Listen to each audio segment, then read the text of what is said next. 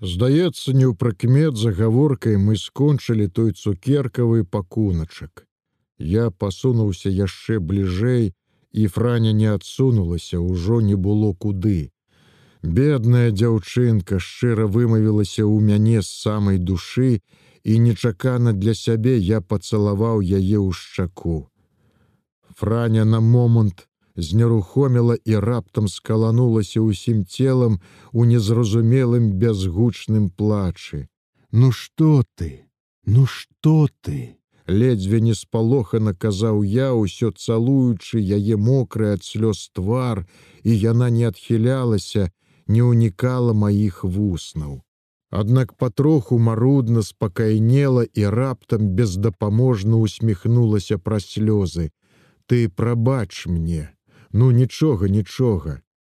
І я яшчэ цалаваў яе, каб неяк суняць яе боль і выказаць глыбіню маёй да яе пяшчоты. Я ўжо сто год, сто год не плакала.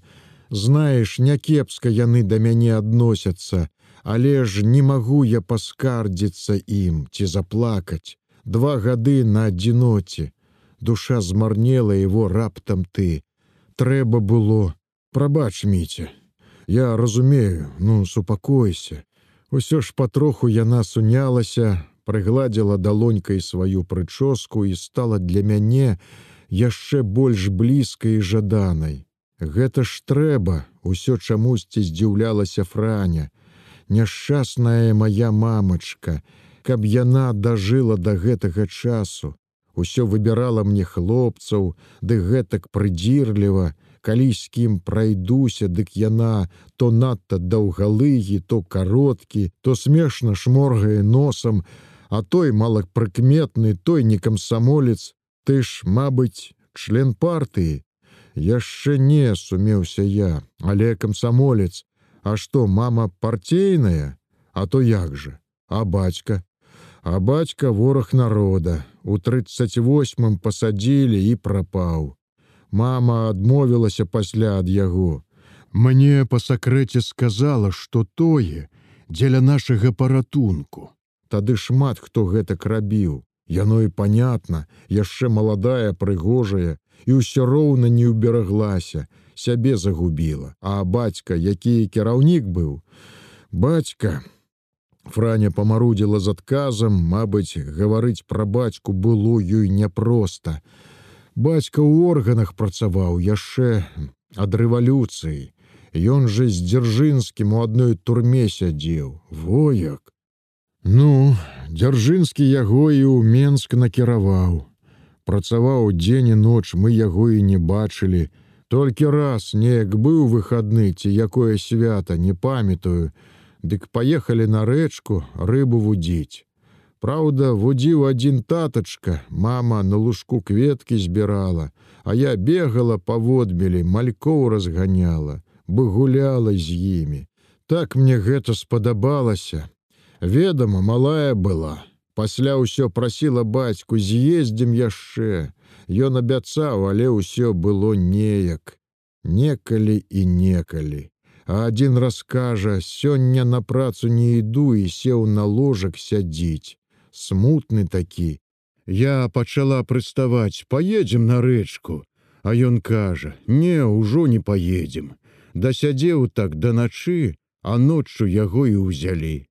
Так я болей і не побачыла рэчку Шэрае сутонне ахутала вежу і наваколле, ужо не стала відаць ні ўскраены гарадка, ні гор, ні дарогі. Не відаць было і маіх пазіцый. Гарадок патануў змрочным тумане, толькі дымы ад пажарышчаў бялявымі космамі імкнулі кудысь над руінамі. І я сваіх 41 года не бачыў, не ведаю, ці жывыя, сказаў я, пранікаючыся яе клопатам. Маму ж немцы павесілі ў Менску, як партызаны іхняга гаўляетара падарвалі, дык немцы пачалі хапаць падпольшчыкаў. Ну, якраз і маму маю павесілі ў скверы. А ты ж як? А я кепская. Жылі на кватэры ў грушаўскім пасёлку, ну, пасля маці засталася адна. Кватэрная гаспадыня, праўда, неблагая была кабета, але ў самой трое малых мужа няма, харчу ніякага, прывезла з раёна мех бульбы, хутка яе з'елі. Прадалі, што можна было прадаць. Я апошнія рукавічкі прадала, што перад вайной мамы звязала. Можа б, як і далей бавілі час, ды на бяду да суседзяў сталі на кватэру два паліцаі. Ну і адзін вінцась стаў заходзіць. П'янтос такі брыдкі нахабны, не было ад яго паратунку. Прыб'ецца калі сядзіць да поўначы, балбочы невядома што, а то пачне прыставаць. Я ўжо адшывала яго як умела, ды і гаспадыня старалася, нічога не памагае. Закахаўся, кажа, ну ведама, прыгожая дзяўчынка. Гэта цяпер трохі, а тады бы брыдкае качанё. Ну ладно, ладно, з раўніваю ноткаю сказаў я, не прыбедняйся, А я і не прабедняюся, А тады, тады цётка Мар'я кажа: давай адвязу цябе да дзядзькі на вёску. У таго адна дачка, твоя аднагодка, будзеце разам, пакуль зіма скончыцца. А там паглядзім, можа і вайна замірыцца. Неяк у нядзелю паехалі на санях, далёка аж у чэрвень, а там яшчэ кіламетраў шэсць. Прыехалі ўжо ноччу, пастукаліся ў акно. Дядька пусціў, гаспадыні яму пачала тлумачыць, пасля прасіць, А я ўсё гэта слухаю, неяк упрасіла, назаўтра паехала, а я асталася. Незнаёмая чужая ў чужых людзей. Зоська і праўда, амаль моя аднагодка, 16 год. Ну з гэтай мы быццам сышліся. Нічога была дзеўка не злая, а толькі недалёкая страх. Да вайны скончыла шэсць класаў, а да хлопцаў цягнулася бы да магніта. Так да вясны дабылі, а вясной загулоў наваколлі.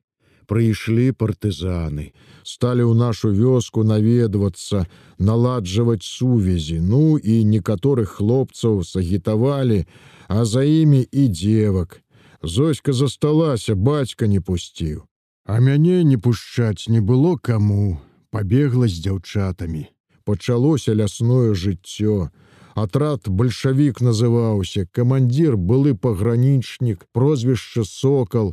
Дні праз тры ставяць мяне ў каравул, на ўзлеску ля кладкі, вінтоўку далі. Настрашылі наконт пільнасці, ноччу стаю баюся. А тут прыходзіць каравульны начальнік таксама з пагранічнікаў, ну на праверку. Праверу, а я ўсё правільна адказала, а ён не ідзе назад. Тое ды гэта бачу пачынае самым нахабным чынам. Што мне рабіць? Крычаць ці што? Крычаць нельга. Неяк той раз ад яго выбавілася сказала пажалюся камісару адчапіўся. Вядома ж нікому скардзіцца не пайшла дык неўзабаве ўсё пачалося по-новаму і хто сам камандзір атрада не адмовішся ж калі загадвае куды ісці ідзеш, а ён з ад'ютантам следам. Вярнулася, а ён, пачаму не спаўняеш загад, За неспаўненне загаду расстрэл на месцы, пасля пераходу ляжем, дзе стомленыя на хвойным лапніку, адразу ў сон, А ён ноччу падкочваецца, ну і, як закрычу, тады лаецца, пачаму дэмаскіруеш групу, за дэмаскіроўку групы расстрэл, Гэта былі нейкія не такія, як іншыя партызаны, як пасля даведалася асобага прызначэння. Усё хадзілі на маршы. Наша задача была Менск, туды дзяўчат пасылалі, адтуль да нас прыходзілі, але болей пасылалі. Меней вярталіся. Не вярнуліся Тоня быстрова валя і Жэня хахатушка. Былі такія дзяўчаткі, камсамолкі ўсе, ну і я камсамолка а начальнікамі над намі хлопцы, а то і дядзькі ў гадах ужо. Тыя нікуды не хадзілі, толькі за намі сачылі, каб не дай Бог без іхняга ведама нікуды і любілі пакарыстацца дзяўчаткамі. Намеснік камандзіра кашэльнікаў бывала кажа, што ж такога ля калодзежа жыць ды вады не напіцца. Труцень такім мардаты. Як не вярнулася Жэня моя сяброўка, таксама мінчанка, у калодзішчах да вайны жыла, клічуць у будан мяне. Той самы сокал і кажа: табе заданне прабрацца ў Менск арганізаваць явачную кватэру. Будзеш яе абслугоўваць, а дзе я яе арганізую, А хоць бы ў гаспадыні тваю, якой на кватэры была. Як успомніла я цётку Мар'ю і яе трох малых, дык мне млосна стала. За сябе ўжо не баялася, але за іх, гэта ж простую явачную кватэру і моя мамачка попалася. Пайшла на яўку ў сляпню, там яе і ўзялі. Можа, хто выдаў і павесілі. І гаспадара і ўсіх ягоных сямейнікаў, шэсць душ усяго. Ну, што мне рабіць? Адмовіцца нельга за адмову, канешне, расстрэл, Аднак я спрабую, кажу, там жа дзеці малыя, А ён не на тое: Ага, дзяцей шкадуеш, а табе на савецкую родзіну напляваць. Я кажу, гаспадыня мяне не паслухаецца, А ён не з гаспадыні, дык з паліцаямі паладзіш, яны ласы да такіх прыгожанькіх сама ведаеш. Гэтак ён мне намякае на нешта. Брыдка мне стала. Я ўжо яго ўзненавідзела, а што рабіць не ведаю, але ў той дзень не паслалі. Група мяняла дыслакацыю, абходзілі па лясах чэрвень. Неяк адышлася ў бок у бярэзнічык, кінула ў траву вінтоўку і ў сваю вёску. Ужо недалёка было, а ў суседняй вёсцы ўжо паліцэйскі гарнізон усталяваўся, што я ў партызаны пайшла мала хто ведаў. Думалі з Менска, ну, можа, у Менск і паехала. Да і прапартызаніла я, можа месяц не болей. Пайшлі з зоськай сена сушыць на балота. Улетку яно няблага, ягады паспелі. Неяк над вячоркам шэсць капешак на грэблі, дамоў збіраемся, ажно бачым. Бяжыць цётка, зошчына маці, кажа, прыязджалі двое конных, цябе шукаюць. Усё ў хаце і гумне перарылі, дык не ідзі дамоў, хавайся. Ну, мы з зоськай зашыліся ў стажку. Так на тым балоце праседзелі тыдзень, цётка хлеб з малаком насіла, ягады ели. Ды пайшлі дажджы.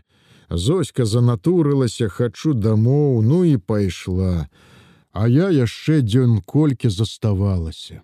Але таксама не вытрымала адна, вярнулася ў вёску, пару дзён у асеце спала, А тут аб'явілі набор у Германію і на зоську выпаў нарад. А зоська не хоча, а бацька кідаецца да старасты да паліцаяў. Ведама, адна дачушка.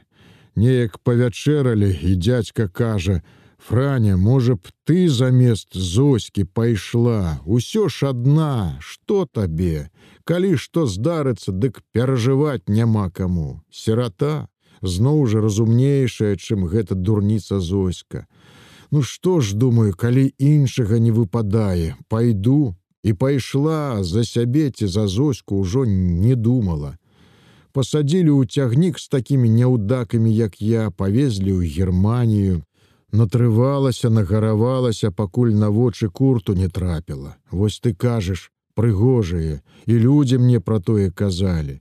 А ведаеш, як я праклінала тую сваю прыгажосць, колькі праз яе натрывалася. Думала, лепш бы я нарадзілася якой недарэкай, можа б тады шчаслівейшая была. А то Ды яшчэ характар такі не грубы, дабрыні хочацца.